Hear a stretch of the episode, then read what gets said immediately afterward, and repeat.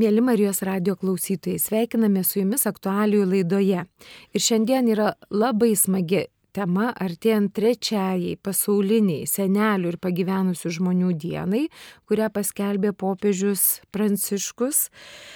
Ačiū tiems, kurie globojate senelius. Šita laida yra jums ir apie jūs. Ir aš labai džiaugiuosi, kad šitoje laidoje dalyvauja viešne socialinių mokslų daktarė Nijolė Liobikienė. Labai diena. Taip, Nijolė ir pati yra močiutė, tai senelystę pažįsta ir iš vidaus, ir Nijolė žino, kaip su tais seneliais būna. Laidą vedu aš, Violeta Vitkauskenė iš Lietuvo šeimos centro. Ir vat kalbant apie tuos žmonės, kurie globoja senelius, aš vieną kartą Vatikane girdėjau labai įdomią pasaulinę patirtį, kad Kuboje yra tokia šeimų bendruomenė, kurie įsivaikina senelius, įsisenelina senelius. Ir ta šeima pasakojo, kad jie ėmėsi globoti ar įsivaikinti ar įsisenelinti senelius su psichinė negale. Ir aš pagalvoju, iš vienos pusės tai yra fantastika, iš kitos pusės aš galvoju, neįsivaizduoju, kaip aš sugebėčiau, nes tai yra tikrai nelengva. Ir šitoj laidoje, Niolė, su jumis noriu pasikalbėti ne tiek apie tą gerą ir smagę senelių pusę, kur mes džiaugiamės jų nuoširdumu, jo išmintimi, jų gebėjimu išklausyti, jų gyvenimo patirtimi ir tokiu ramybę, kurie dvelkia, kai ar anūkai atvažiuoja, ar patys vaikai, kai jie sugeba pasakyti galbūt vieną frazę ir viskas susistoja į vietas. Bet aš noriu šiandien jūs pakalbinti labiau apie tą sunkesnę pusę, su kuria irgi mes dažnai susidurėm, gali būti, kad kartais dažniau negu rečiau, apie tą sunkesnę bendravimo su seneliais pusę. Ir noriu jūsų paklausti, Dėl ko mums būna sunku su seneliais? Aš pagalvoju, ir fiziniam lygmenį būna sunku, ir psichologiniam lygmenį, ir dvasiniam lygmenį. Aišku, tie visi lygmenys yra persipinę. Ir noriu pirmą dalis, kad būtų vat, apie tai, kodėl mums būna sunku. Ir aišku, mes apsikaltinam save, kai mums sunku, ar mes pradedam pykti ant tų senelių, ar, ar kaltinti juos, kad jie grubiai elgesi, ar nemandagiai, ar visada nelaimingi. Nu, vat yra kažkokių tokių dalykų. O antroji daly norėčiau pakalbėti, kaip tą spręsti. Tai klausimas klausimas, kodėl mums būna sunku su tais seneliais ir kodėl senelėms būna sunku su mumis? Na, man atrodo, kad čia yra labai klasikinė situacija todėl kad labai dažnai senas žmogus bando gyventi ir atkurti tą laikmetį, kai jisai buvo jaunas. Ne, tada buvo ir saulė skaistesnė, ir žmonės gal geresni, o dabar viskas kitaip. Kitaip tariant, prisitaikyti prie kintančios aplinkos ir priimti tai, kad tu jau ne viską gali kad, nu, gali būti, kad šiuo laiku visiškai kitokie dalykai yra svarbus ar ne. Galų gale atsisakyti savo vaidmens, būti už viską atsakinga ir, ir viską komanduoti, nes aš geriausiai žinau, kas čia gerai, kas čia blogai ir kodėl kiti nedaro taip, kaip aš noriu. Galų gale netgi priimti ta, kad aš iš tiesų, va, tu kalbė apie fizinius dalykus, kad jau ir mano kūnas ne viską pajėgia. Ir jau tada pasakyti savo, ne, ne, ne, jau kokiu nors ten veiklų darbų jau užtenka, jau nepajėgiu, jau reikia priimti pagalbą. Noriu pasakyti, kad priimti pagalbą nėra lengva. Kodėl? Žmogui, taip, todėl, kad žmogus yra visą gyvenimą, įsivaizduokit mūsų senelius, jie visą gyvenimą dirbo, triusė, darė dėl, dėl, dėl savo vaikų, dėl kitų žmonių, jie buvo reikšmingi ir staiga staiga nebegaliu. Ir tai yra tam tikra netektis. Senatvė yra geras dalykas, kai taip labai nuvadžiūrima net ir tu, kai pasakai, įsivaikina senelius. Tai jeigu mes darysime copy-paste ir Lietuvoje sakysim, dabar visi įsiveikinkim senelius, nes mes esame labai geras, atsiprašau, tas bus labai bloga situacija. Todėl, kad mes turime žiūrėti į socialinį kontekstą. Mes turime žiūrėti ne tik į tradicijas ir papročius, kurie dabar jau išnyksta, nes visuomenė keičiasi, bet mes turime žiūrėti į galimybę, į vaidmenis ar ne. Ir ne visada tai, kas tinka užsienyje, turi atitikti ir labai tikti vat ir mūsų šaly. Todėl visada pačias geriausias iniciatyvas reikia labai pergalvoti ir pažiūrėti, kaip ta labai gera iniciatyva gali veikti mūsų šalyje. Nes, pavyzdžiui, jeigu mes norim įsivaikinti, nu, kaip įsivaikinti negražiai, nu, globoti senelį, paimti, tai, tai yra didžiulis iššūkis, daug didesnis iššūkis, negu mes imtume globoti vaiką. Nes vaikas yra daug lankstesnis, senelis nėra labai lankstus, todėl kad, žinote, labai yra sunku pasakyti, ne, ne, palauk, aš jau dabar negaliu, aš tada priimu kito pagalbą. Kito pagalbos prieimimas irgi toksai tarsi savo savarankiškumo atsisakymas, tarsi suvokimas, kad aš negaliu ir man reikia, kad kas nors apie mane jau, nu, man padėtų. Ir, pavyzdžiui, ką tai reiškia, jeigu aš jau negaliu, netgi mano sveikata yra tokia, kad aš negaliu, pavyzdžiui, pavyzdžiui, pasirūpinti pilnai savo higieną. Juk tai yra tam tikras dalykas, kuris yra suvokiamas, nu, vad kažkaip, žinai, nu, nesmagu. Tarsi pažeminimas, mhm. tarsi, nu, nesmagu. Čia, čia nu, yra iš tiesų, tai yra labai toksai, nu, intimus dalykas. Taip. Galų gale prisitaikyti prie to, kas yra visiškai nauja. Ir gal mano visiškai netgi kartais jau, reiškia, atmintis mažėja ir tada aš galiu žiūrėti į dalykus, kurie tai šeimai yra visiškai suprantami, aš galvoju, dieve, kam šitas aparatas, ką čia su juo reikia daryti. Galų gale aš netgi, jeigu vystosi Alzheimerio, liuk aš netgi nežinau, gal aš galiu iš šaldytuvo batus pasidėti, nes man atrodo, kad čia visai Batai, gerai ir ne. Ir tada įsivaizduojat, ką ta šeima arba tie žmonės jaučia nes jie ne medikai. Tai va, va šitas dalykas, nu, medicininis dalykas, kartais nuolatinė senelio tokie dajavimai, kad kodėl Dievas mane atleido, kad aš jau noriu mirti, jau aš niekam nereikalinga. Irgi tai nereiškia, kad senelis tikrai jau nori dabar mirti.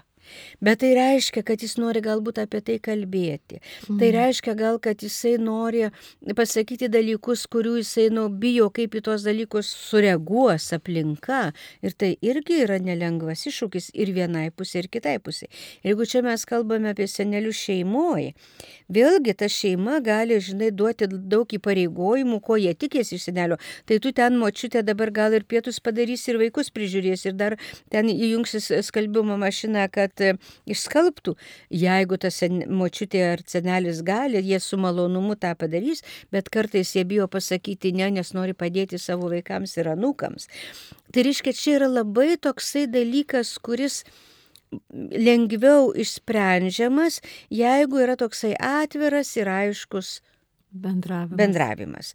Tai čia yra, bet kadangi mes ilgą laiką gyvenom autoritarniai sistemoje ir dar dabar, nors galvojam, jau mes esame demokratinė sistema, bet naudojam autoritarinius metodus - kontrolės, įsakymų, nurodymų ir taip toliau, tai, žinote, kartais būna abiem pusėm labai sunku.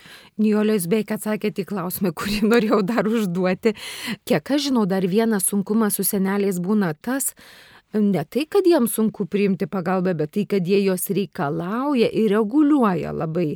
Ir ar tie seneliai, ar ter jie toli, tie vaikai jaučiasi labai sureguliuoti.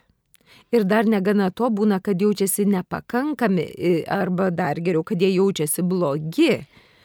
Tai aš noriu paklausti, iš kur tas kyla, čia tik iš autoritarinės sistemos, ar iš dalies, ar, ar iš kur tas kyla va toks aiškinimas vaikams, kaip jie dabar turi gyventi, kokios jų vestuvės turi būti, kaip jie vaikus turi auginti. Ta prasme, kad ta ar jauna šeima, ar net vyresnė šeima vis dar nemoka senelių akimis. Iš kur šitas kyla? Toks... Matai, čia yra sudėtinga. Reiškia, šiaip pat tą klausimą nežinau, nepažiūrėjau mokslinių tyrimų ar yra, bet tai yra labai įdomu, kaip dabar. Bet žiūrėk, visais laikais buvo problemų. Netgi tais Lietuvos laikais, metonos vadinamais laikais, žiūrėkite, ūkininkų šeima jau paveldėtojas ūkio veda, atveda jau naują šeimininkę, kuri perims. Ir kas vyksta, kova dėl samčio. Nes senam jau ta mama, reiškia senelė, kuri, nu jau, jinai nenori atiduoti, jinai geriausiai žino jei buvo įprasta, čia jos namai ar ne. Dabar, kai tu sakai, bet kad dabar taip yra, yra labai daug priežasčių. Yra, pavyzdžiui, psichologinės priežastys, kad aš turiu, aš geriausiai žinau, kas geriausiai mano vaikams. Nu taip atrodo. Ir aš noriu, kad mano vaikai būtų laimingi. Ir jeigu Taip. jie manęs klausys, tai jie bus laimingi. Klausimas, ar jie bus laimingi, ar aš būsiu laiminga, kad jie manęs labai klausys. Dažniausiai iš gana autoritarnės patirties, bet po tuo slepiasi ir nepasitikėjimas savo vaikams, kad jie priims vad gerą sprendimą. Toliau yra tokie irgi tų senelių poreikis meilės ir globos ir nepasilikimo vien, reiškia, nu maždaug. Dar gali būti toksai sandorio klausimas. Jeigu jūs ten mane prižiūrėsite taip, kaip aš noriu, tai aš ten jums paliksiu, užrašysiu ir panašiai. Iškia, čia yra tik tai dalis, bet labai daug esminis dalykas. Ir tai rodo, kad tam tikrą prasme galbūt pasam, pasamoningai tie seneliai nori būti dar tokie pat reikšmingi, kaip tada, kada jų vaikai buvo maži. Man atrodo, kad jie bando nesusitaikyti su tuo, kad jų vaikai suaugo ir tie vaikai turi teisę savo pasirinkimus daryti. Ir, ir kartais, nu, mums seniems žmonėms atrodo tie pasirinkimai, nu, tokie, nu, kaip pasakyti, galėtų būti ir geresni, bet nieko nepadarysi, nes gyvenimas eina. Ir tie vaikai kartais mokosi iš savo klaidų, kaip bebūtų gaila. Ir leisti jiems tos pasirinkimus. Tu gali pasakyti savo nuomonę arba pasitarti. Iš kitos pusės, jie turbūt seneliai, žinot, yra labai tokia gera pasaka, kur aš kartais vat, seminarus vesdama sakau, žinai, kaip Barnas, kuris yra išmintingas, neša savo vaikus per upę. Vidury upės jisai klausė, ar tu mane nešiosi, kai aš būsiu senas? Berniukas sako, taip, taip nešiosiu. Įsimeta tą varniuką į upę.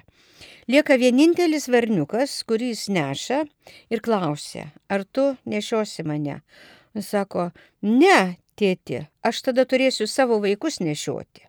Mhm. Ir tai yra labai gili prasme, kad jau seneliai padarė savo darbą, pagarba seneliams išlieka, tu visada neprašausi pro šalį išmintingų senelių paklausęs patarimo ar jų nuomonės, bet seneliai neturi galvoti, kad jie dar turi bet kokiu atveju nešti per tą upę ir maždaug tikėtis, kad jo, kad jau dabar tie vaikai jau seneliai nešios, nes jie savo vaikus nešioja.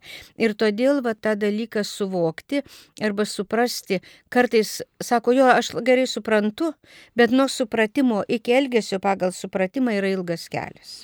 Nijolė, jūs čia patvirtinat vieną dalyką, ką Italijoje atlikti tyrimai parodė, kad laimingiausi yra tie seneliai, kurie sugeba nueiti į antrą planą. Reiškia nebegriežti pirmų smūkų, užleisti vaikam tą sprendimo atsakomybę ir klaidų atsakomybę viską. Tai aš, mėly Marijos radio klausytojai, primenu, kad aktualių laidoje mes dėkojame tiems, kurie globojate senelius. Jūs darote milžinišką darbą ir Laidoje svečiuojasi socialinių mokslo daktarė Nijolė Liobikinė ir mes kalbamės apie sunkumus ir kaip juos spręsti, nes natūraliai santykiuose sunkumų iškyla. Kai yra gerai, mes visi žinome, ką daryti, belieka tik pasidžiaugti. Ir dar noriu priminti, kad mes, remdamiesi popiežiaus pranciškaus laišku, kviečiame jūs palydėti senelius į bažnyčią, ar tai pačią senelių dieną Liepos 23, ar tai Liepos 30, nes bus e, atlaidai seneliams, ar jie ateis į bažnyčią per šventas mišes, ar jie klausys virtualiai šventas mišes, jeigu jie dėl sveikatos problemų negali. Taip pat atlaidai tiems, kurie palydės tuos senelius į bažnyčią, padarys gerą darbą. Be to, naujajame daugeliškyje bus atlaidai, kur yra vienintelė Lietuvoje Jėzaus senelių bažnyčia. Jokimo ir Onos bažnyčia ir Pilaitėje taip pat bus senelio atlaidai Liepos 23. Jeigu naujajam daugeliški Liepos 30, tai Vilniuje Pilaitės Švento Juozapo parapijoje bus Liepos 23 ir bus tikrai labai smagu ir įdomu. Tai raginame, jeigu jūs ten netoliese Vilnius ar iš Ignalinos krašto, kur arčiau, ten nuvykti. O dabar su Nijolė mes kalbame toliau apie senelius Ir mes truputį aptarėm tą problematiką, kad tas sunkumas su seneliais kyla todėl, kad jie nori va, tarsi atkurti tą praeitį jaunystę. Tada jie reguliuoja ir jiem atrodo, kad čia viskas bus gerai, jeigu kaip jie mato, taip viskas bus. Kad jiem gali būti sunku priimti pagalbą, nes tai yra labai intimu. Taip pat jų tos dėjonės apie tai, kad Dievas juos pamiršo ar blogą gyvenimą, nerodo, kad jie nori numirti greičiau, bet rodo, kad jie nori artimesnio santykio, o nesinori į tas dėjonės leistis patiems. Ir būna, kad jie jau nebesupranta, kas čia vyksta, jiem atrodo, kad čia nereikia ten kažkokių ar aparatų, ar kažkokių kitų dalykų šeimoje. Ir iš to kyla sudėtingumai. Tai Nijolė, dabar vat likusią laidos dalį aptarkime, nu kaip palengvinti tas situacijas. Jūs sakėt, kad atviras ir aiškus bendravimas, kaip bendrauti atvirai ir aiškiai su seneliais. E, žinot, aš manau, kad tai yra mano pasakymo neužtenka, todėl kad šiandien aš matau ne tik tai Lietuvoje poreikį mokytis, kaip atvirai ir aiškiai, nes tai yra gana sudėtinga, jeigu tu visą laiką galvoji, žinai, ne to negaliu sakyti, to negaliu klausti, apie tai negaliu kalbėti ar ne, bet ir pasaulyje, tai, tai čia vat, yra toksai dalykas. Bet pirmas dalykas, dalykas, ką reikėtų labai gerai įsisamoninti, kad žmonės yra skirtingi Ir kad seneliai, nu, pirmiausia, neįtarinėti, kad senas žmogus specialiai taip daro, norėdamas mums pakengti. Tai nespecialiai. Nespecialiai. Jisai taip galvoja, kad čia yra, nu, geriausias dalykas, ką jis gali padaryti, žinai. Ir netgi va toksai dalykas, kur, pavyzdžiui, dažnai sutinku tokių atvejų, kad seneliai galvodami apie tai, nu, iš tiesų, jie suvokia, kad ateina gyvenimo pabaiga ir jie pradeda sakyti, jau mane taip paprenkite, jau mane taip palaidokite, jau, kapės... jau man ten viską žinai. Ir kartais duoda tokių dalykų, kur tie jauni žmonės galvoja, viešpatė, mes negalėsim to padaryti. Jeigu mes negalėsim to padaryti, tai mes esam blogi vaikai. Tai ta prasme, kad ne, neprigalvoti arba nesakyti, nu, tokių detalių, kurios yra, nu, žinai, būti įsitikinus, kad tie vaikai tikrai padarys viską, ką gali padaryti geriausia, nu, gal esminius dalykus ten apie maldą ar ką nors, bet kad būtinai būtų ten tokia spalva, ar būtinai būtų ten, žinai, toks kapas ar kas nors, na, tiesiog yra pertekliniai dalykai ir labai žmonės, nu, tiesiog kartais įtempia, įtempia ir, ir iš tiesų. Bet Nijolė, jeigu seneliai vis vis tiek nu, išsako tuos detalius reikalavimus, tai dabar jūs pasakykit. Ir e, tie vaikai mato, kad jie ne viską gali įgyvendinti, ar, ar tai ne viską įgyvendins nuodėmė, nenuodėmė, kaltė, nekaltė. Žinai, dėl nuodėmės tai čia reikėtų klausti daugiau tų žmonių, kurie gali kunigo. mus pamokyti, mhm. kunigo. Manau, kad reikėtų senelėms labai aiškiai pasakyti. Tiesiog iš, iš savo giminių patirties kur sako, žinai, išklauso ir sako, nu, vad, mamytė ar ten tėvelį, šitą tai tikrai padarysiu, šitas, bet jau tai, ko tu čia dabar prašai, žinok, praktiškai nėra įmanoma, negaliu to padaryti. Tai, tai žinai, nu pavyzdžiui, senelis sugalvoja, žinokite, tai gerai mane kremuokite, bet jau ten vieną dalį pelenų ten vienur išbarstykite, kitą, to pirmas, pirmas dalykas tai yra valstybė reglamentuoja. Antras dalykas, jeigu tas senelis yra tikrai galvoja, kad jis tikintis, tai tada reikėtų pasiklausti kunigo. Ir man atrodo, kažkur tai buvo straipsnis, kad, nu ne, pagal bažnyčios mokymą pelenai turi būti palaidoti, bet ne taip kur nors iš... Vat, nu, pavyzdžiui, toks, toks dalykas. Arba ten, žinai, dar kažkokį jau labai labai ten, žinai, nežinau, kokį sudėtingą dalyką.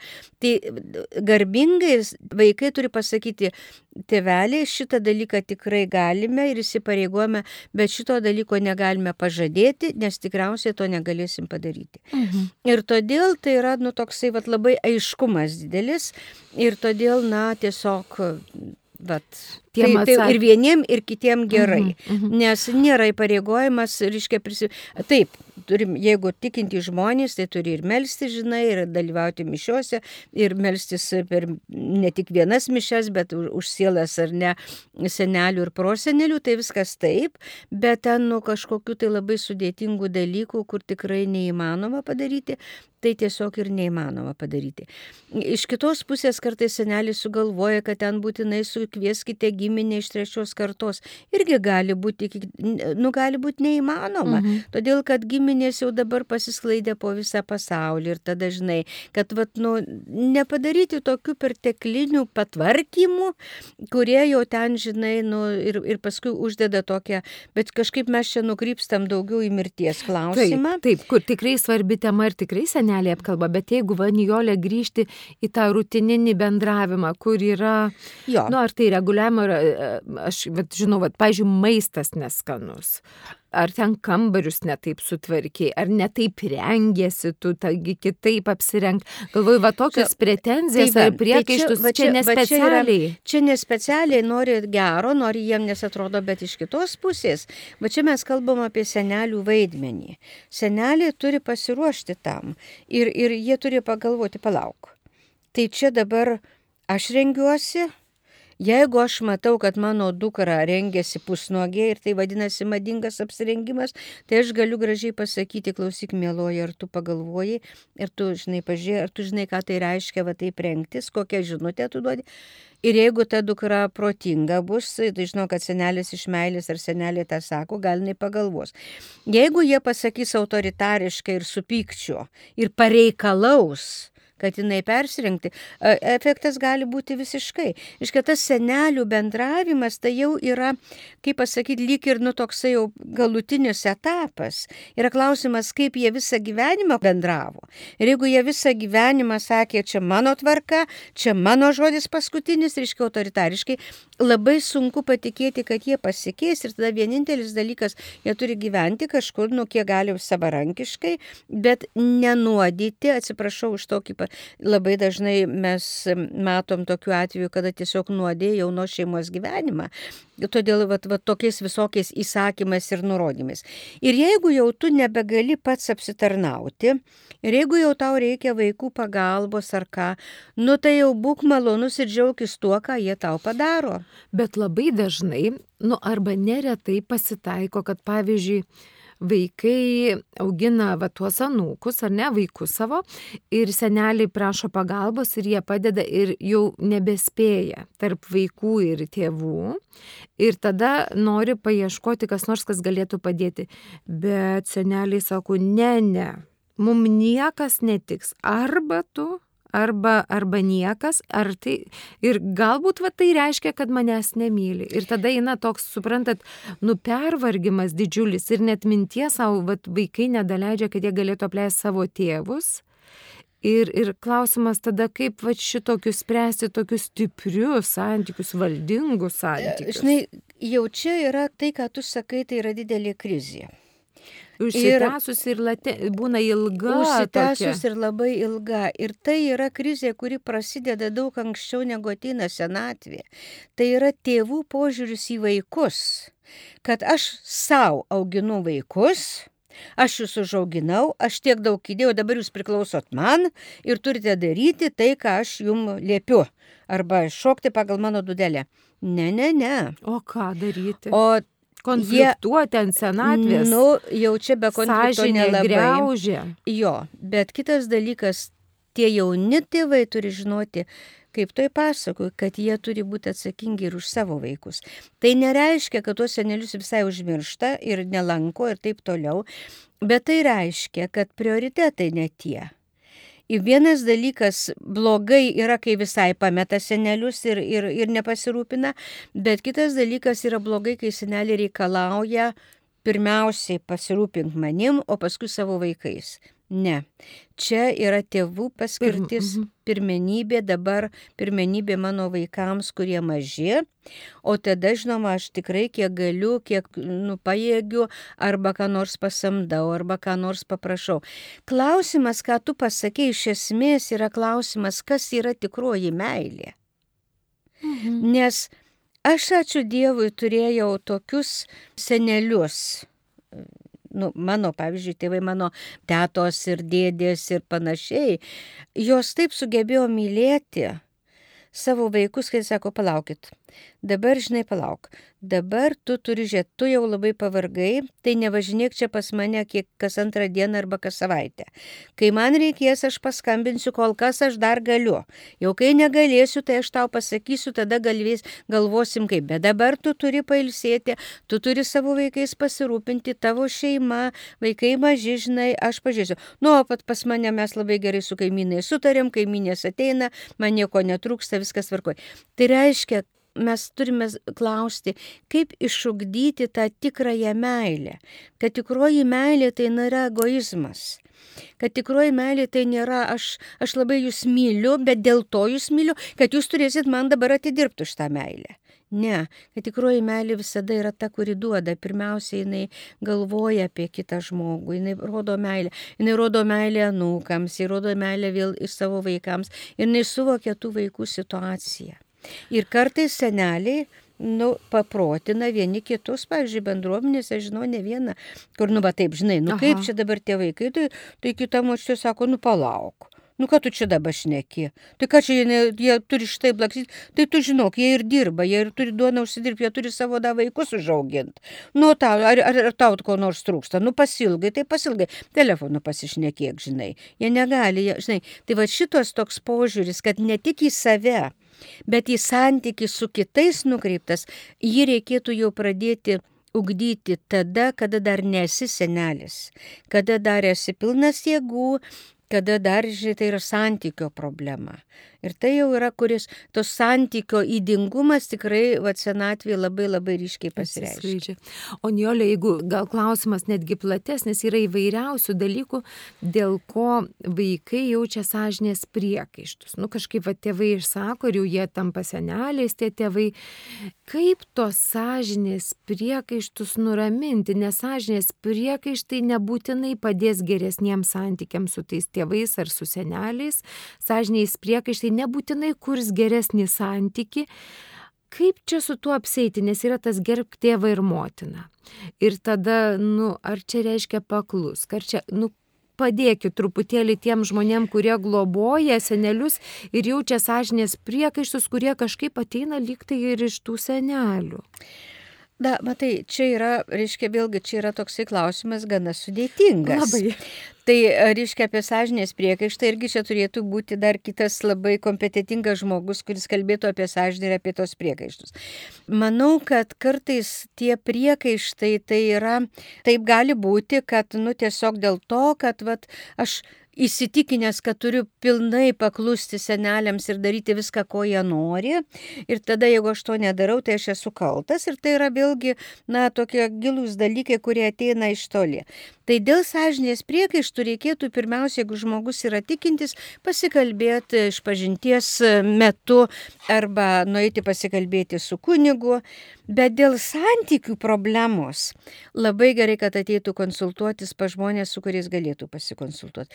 Tiesiog pa žmonės, kurie nėra tau labai artimi giminės, ar ten labai geri pažįstami, ar ten e, labai geri draugai, kurie nori tau įtikti, arba senelėms įtikti, bet tiesiog arba į šeimos centrą kreiptis pas konsultantą ir tiesiog galima labai daug problemų išspręsti nes iš tiesų, nu, seni, seni žmonės yra seni žmonės, ar ne, bet tu nesi senas, ar ne, tu, tu esi dar pajėgus.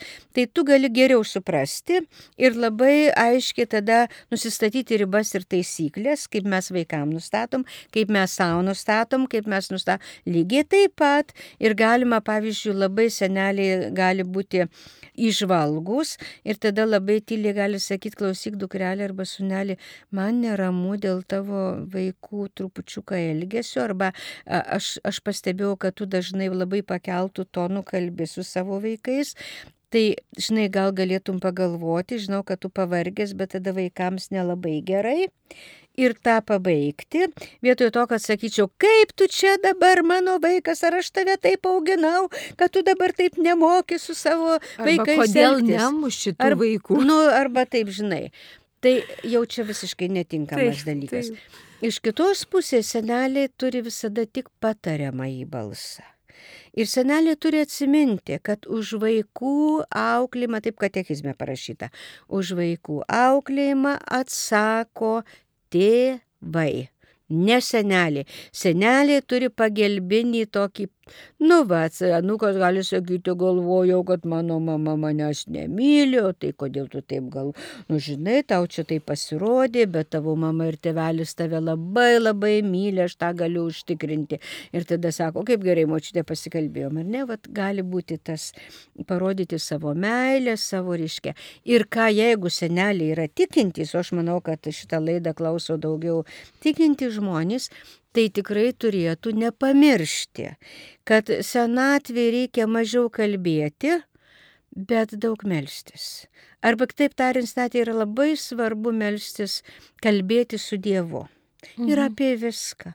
Ir pasiguost gali, ir, ir, pasi, ir pabėdavoti, ir prašyti pagalbos, ir, žinai, pasakyti, kad aš jau taip dabar kažkaip negaliu pakesti tos dabartinės muzikos, kaip jie užsileidžia, mane nervina, ale ką man dabar dėl to padaryti, nu gal kartais ausis susikišti vis, visokių dalykų, žinai, nes nėra lengva kartu gyventi, nėra lengva, žinai, priimti jau kitokius dalykus. Bet kodėl, Nijolė, pavyzdžiui, atrodo, nu, gyvena šeima kaip šeima ir ten seneliai pradeda, nu, reikšti kažkokį nepasitenkinimą ir vienais ar kitais dalykais, nu, atrodo, kaip ir seneliai, kaip ir išmintingi, kaip ir turėtų suprasti, tie nukai laimingi, straksa aplinkui kažką, tenai biškiai apsipyksta vėl ir seneliai kažkaip reaguoja kartais, nu, labai stipriai. Nu, matai, čia kodėl tie nukai barasi, kodėl čia jie laksto, triukšmauja, bet jie sveiki vaikai ir laksto ir triukšmauja, pavyzdžiui, ir tėvai leidžia, o seneliam jau atrodo per daug, aš galvoju, Tai ką daryti?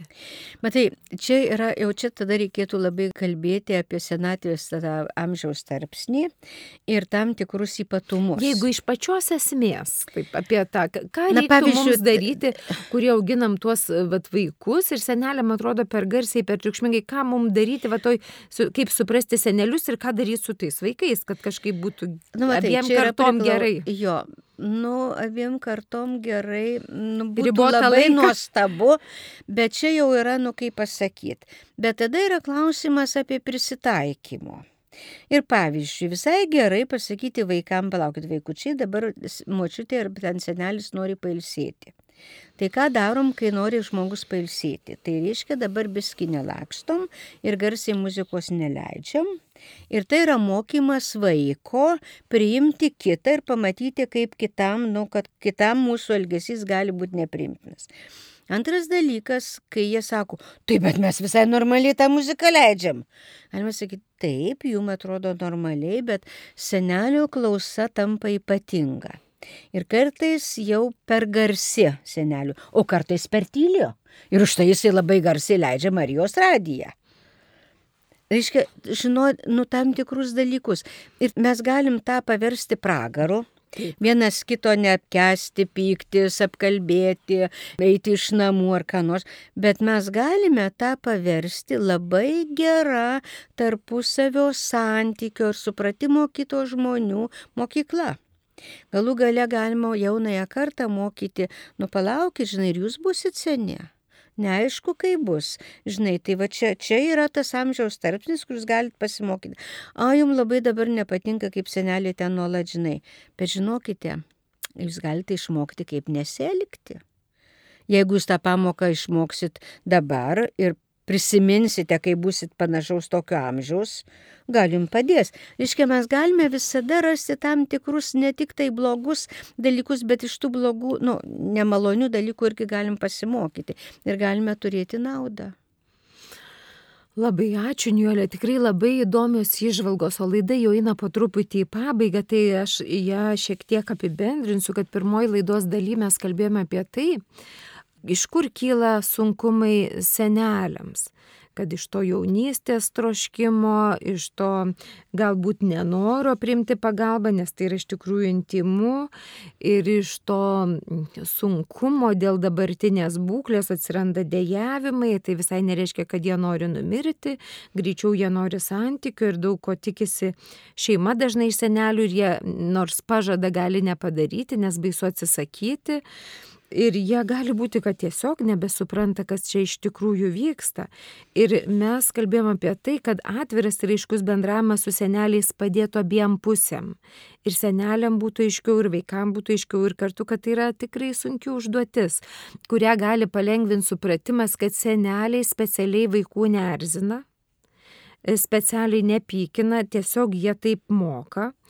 Ir kad svarbu vis tik tiesiai atsakyti seneliam, nu ką galima, ką negalima, kad galbūt susikurti kaip su vaikais mes kuriame vienokias taisyklės, taip su seneliais mes galėtume sukurti kitokias taisyklės ir mokyti sugyventi kartu. Ribos labai svarbu, nusistatyti ribas. Ir seneliam kartais reikia labai aiškiai tas ribas nustatyti ir sakyti, labai atsiprašau mamytė ar labai atsiprašau tevelį, bet šitas dalykas jau yra mūsų reikalas, ar ne, jau mes, nu tą, tad prasme, kad kartais seneliai pameta savo vaidmenį ir galvoja, kad jie atsakingi ten už, už kažkokius taip, tai taip, dalykus. už, už viską. Jo. O Nijolė, ką jūs at laidos pabaigoje norėtumėt palinkėti tiem žmonėm, kurie globoja senelius? Matai, yra klausimas, reiškia, globa yra įvairi. Ir čia yra atskiras turbūt klausimas, bet aš manyčiau, kad pirmiausiai, ką aš norėčiau jiems palinkėti, tai žiūrėti į seną žmogų kaip į žmogų, kuris žino labai daug. Jis turi visokių labai svarbių patirčių, labai svarbių išgyvenimų jis yra ta knyga, kurios niekas neskaito, o vertėtų paskaityti. Pavyzdžiui, netgi elementarus klausimas, gal galėtumėt papasakoti vat, apie tą ir tą, pavyzdžiui.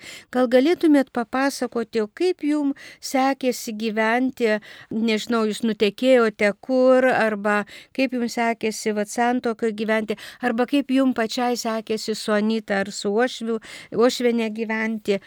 O čia galima rasti labai daug tokių dalykų. Tai yra istorija. Ir tą istoriją atskleisti, pirmas dalykas yra tam tikras terapinis pokalbis. Tu gali išgirsti nepaprastai naudingų dalykų ir gali daug geriau suprasti, kodėl tas senelis elgesi vienaip ar kitaip. Nes turime labai gerai atsiminti, kad mūsų visuomenė yra negydytos traumos visuomenė.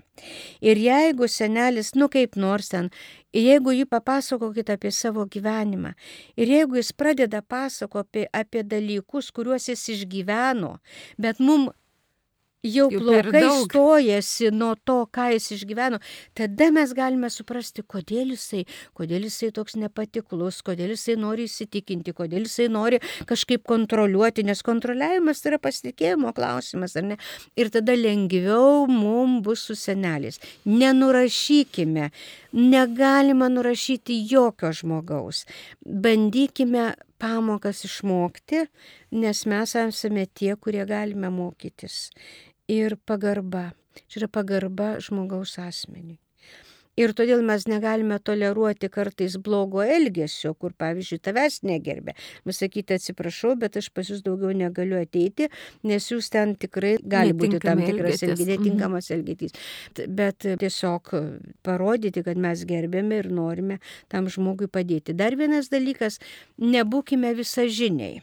Aš žinau, ką reikia seneliui padėti, nieko tu nežinai. Reikia Todėl klausti. pirmas klausimas, kai tu ateini, gal galim pasikalbėti, ko jūs iš manęs tikitės, kokios pagalbos, ką norėtumėt, kad aš padaryčiau.